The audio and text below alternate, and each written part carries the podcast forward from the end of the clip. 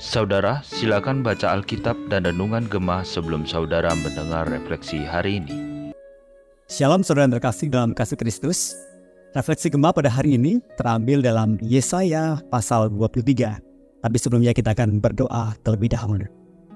Bapa dalam surga, sekali lagi kami datang kepadamu dan kami mengucap syukur kalau kami dapat kembali belajar akan kebenaran firman Tuhan pada hari ini. Kiranya Tuhan yang menguasai setiap kami, sehingga firman-Mu menjadi berkat dalam hidup ini. Di dalam nama Tuhan Yesus Kristus kami berdoa dan kami mengucap syukur. Saya akan membacakan Yesaya pasal 23 ayatnya yang ke-6 hingga ayat yang ke-9 dibikin firman Tuhan. Mengungsilah ke Tarsis, merataplah hai penduduk tanah pesisir. Inikah kotamu yang bersukaria yang asalnya dari zaman purbakala.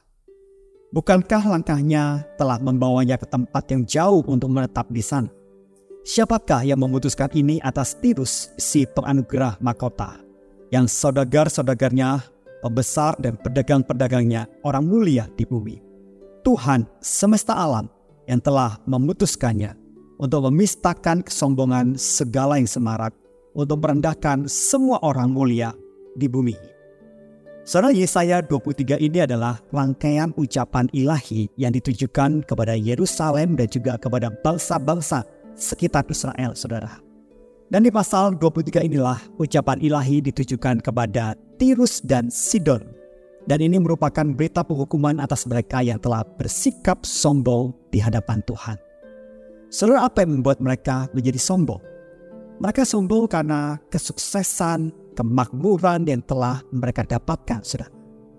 Dan sebagaimana kita tahu, saudara, Tirus itu sangat terkenal sebagai bangsa yang kuat dengan maritimnya, lengkap dengan kapal-kapal dan pelabuhan yang sekaligus saudara menjadi satu pusat perdagangan yang sangat strategis menghubungkan antara tiga wilayah di Asia, Afrika, dan juga di Eropa.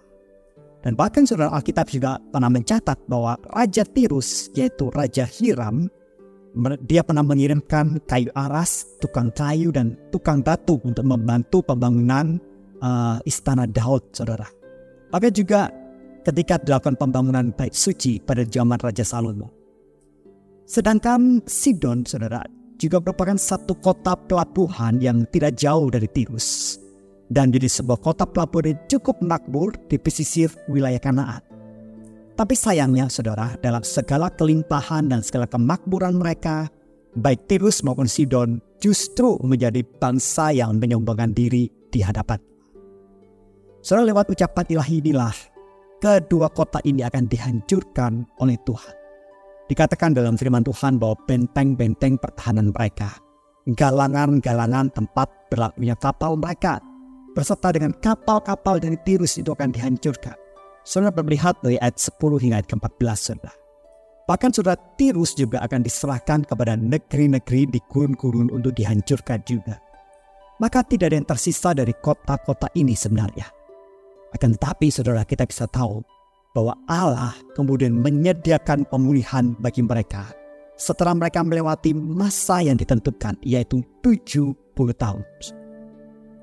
So itulah sebabnya melalui nubuat ini Alkitab ingin mengajarkan bagi setiap kita sebagai orang-orang percaya bahwa kesombongan manusia itu akan menghancurkan hidup manusia itu sendiri. Saudara. Seorang C.S. Lewis pernah berkata bahwa kesombongan itu pada hakikatnya bersifat kompetitif. Dan dia kemudian melanjutkan saudara dengan menjelaskan maksudnya. Kesombongan itu tidak pernah merasa senang karena memiliki sesuatu saja. Tetapi kesombongan itu akan senang jika ingin jika ia memiliki sesuatu yang melebihi apa yang dimiliki oleh orang yang ada di sebelahnya. Jadi saudara, kesombongan itu memerlukan orang lain sebagai kompetitornya. Orang lain sebagai pesaingnya yang dianggap ada di bawah. Maka saudara ketika engkau mulai membanding-bandingkan dirimu dengan orang lain oleh karena engkau kaya, engkau makmur, engkau pandai, engkau cakap, engkau hebat, apa pun itu saudara, maka berhati-hatilah. Karena ketika engkau membandingkan dirimu dan merasa dirimu lebih hebat dari orang lain, maka kesombongan itu sudah muncul dalam hidupmu. Dan kesombongan itu seperti penyakit kanker.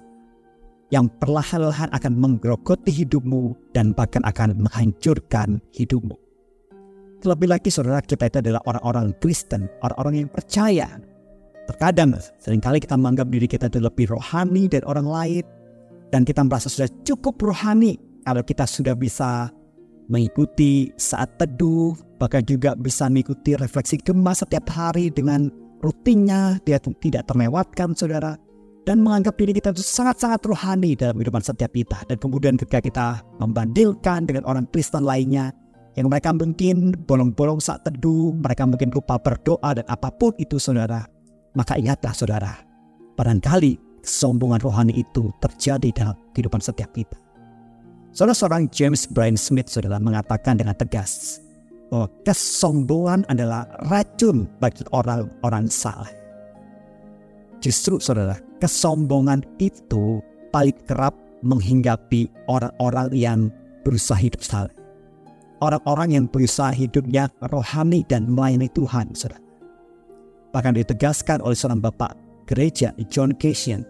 Dan dia mengatakan bahwa mereka yang tidak bergumul dengan kedagingan adalah mereka yang rentan dengan kesombongan. Maka perasaan tidak bergumul dengan kedagingan membawa seorang justru masuk dalam perasaan lebih baik dari orang lain, saudara. Dan kehidupan rohani yang merasa lebih hebat dengan orang lain. Pelayanan yang lebih penting dari orang lain. Dan sadar maupun tidak, maka sebenarnya kita sedang meminum racun kesombongan itu. Itu sebabnya maka kita perlu berhati-hati. Jangan biarkan kesombongan itu kemudian menghancurkan hidup dan kerohanian setiap kita.